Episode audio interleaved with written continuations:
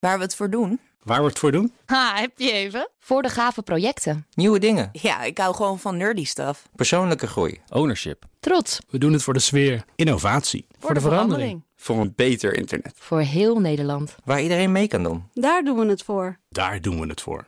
Waar doe jij het voor? Kom werken voor KPN en groei op jouw manier. Check de actuele vacatures op het gebied van data, security, development en networking op jobs.kpn.com/tech. Wetenschap vandaag. Wetenschappers hebben een zonnebrandachtig stofje gevonden in gigantisch oude plantenfossielen. En dat vertelt ons iets over hoe een zeer grote massa-extinctie ooit heeft kunnen plaatsvinden. Wetenschapsredacteur Carlijn Meiners is hier. Hey Carlijn. Hoi. Ja, jij kan ons ongetwijfeld meer over deze zonnebrandlink vertellen. Ja, ja, die zal niet voor iedereen meteen duidelijk zijn. Nee. Eh, dat snap ik.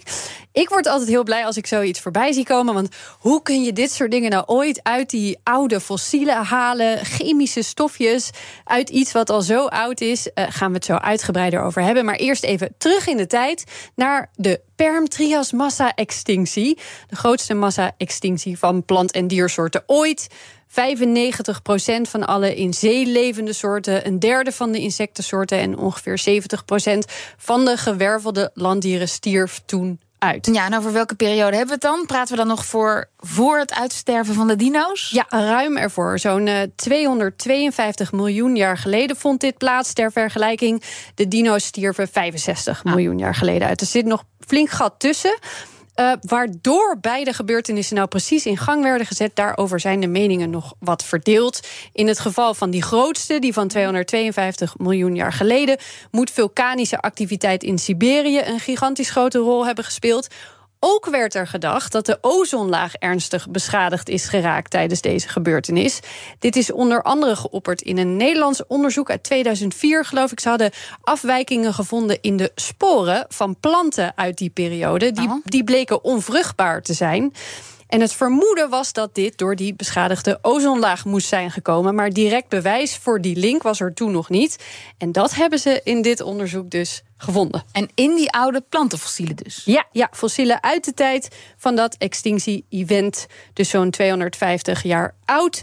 De Chinese hoofdonderzoeker vond de fossielen in Tibet, haalde er de pollen uit. En toen zijn ze onder andere in Duitsland en Engeland gaan kijken naar het stofje dat planten aanmaken om zichzelf en hun pollen tegen UVB-straling te beschermen. En hoe kun je naar dat stofje kijken? Ja, daar gebruiken ze een uh, techniek met een hele moeilijke naam voor. Die kan iedereen straks online terugzoeken. Maar ik uh, laat het even uitleggen door Barry Lomax van de Universiteit van Nottingham.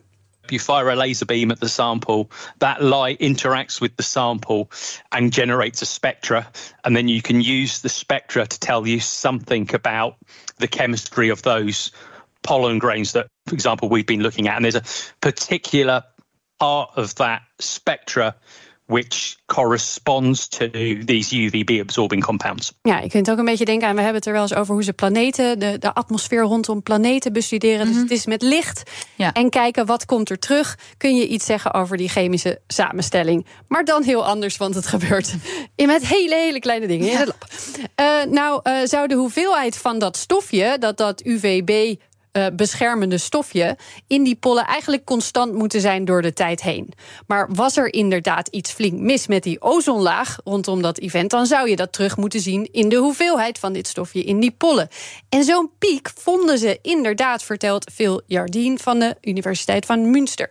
I thought, oh, okay, that's that's interesting. But then usually what happens is you add in more samples, more data, and your, your whatever you think is interesting disappears in a load of noise. And in this case, that didn't happen at all. We actually got a really nice clean signal out. Ja, een duidelijke piek in die zonnebrandstofjes dus, die tot hun verrassing bleef staan in alle berekeningen. En wat vertelt ons dat dan precies over dat uitsterven? Ja, dit zegt iets over de rol hiervan in die massa-uitsterving. Wat betreft de landdieren dan, want water houdt die straling grotendeels tegen. Dus voor de zeedieren is dat effect anders. Okay. Op het land heeft dus een piek in UVB-straling uh, plaatsgevonden. En op termijn heeft dat nogal desastreuze gevolgen. Dat weten we onder andere dankzij een eerder onderzoek van wetenschappers uit Berkeley, vertelt Lomax. What was surprising was that they found that the UVB didn't kill the plants, it just made them effectively sterile. So if you'd have had a prolonged period of UVB exposure, although it wouldn't have killed the parent plant, it would have kind of had a effect of a kind of sterilizing the forest ecosystem because the plants are unable to sexually reproduce. Ja, met uiteindelijk grote gevolgen dus voor het voortbestaan van planten en dieren.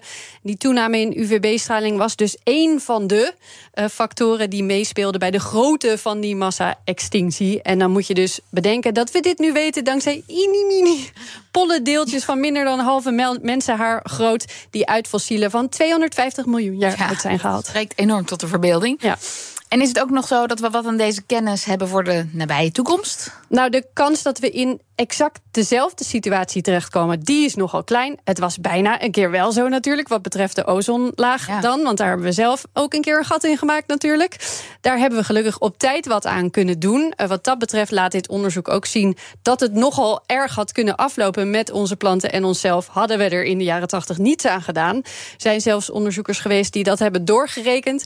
En daaruit zou blijken dat hadden we dat gat niet gedicht, dan waren we rond 2060 enorm de lul ah, geweest. Ah, dus dat is dan ook meteen het bewijs dat het ingrijpen destijds geen dag later had moeten plaatsvinden. Ja, dat denk ik wel. En uh, omdat in deze fossiele studie ook wordt gekeken naar hoe al die processen naast elkaar werken, hoe de biodiversiteit op verschillende manieren werd geraakt, toen kunnen we er zeker ook voor nu nog wat van leren, zegt Jardine. In een tijd waarin er wederom allerlei processen grotendeels door ons in gang gezet, tegelijkertijd voor problemen zorgen. We're not doing one thing to our uh, system, we're doing a load of things at the same time.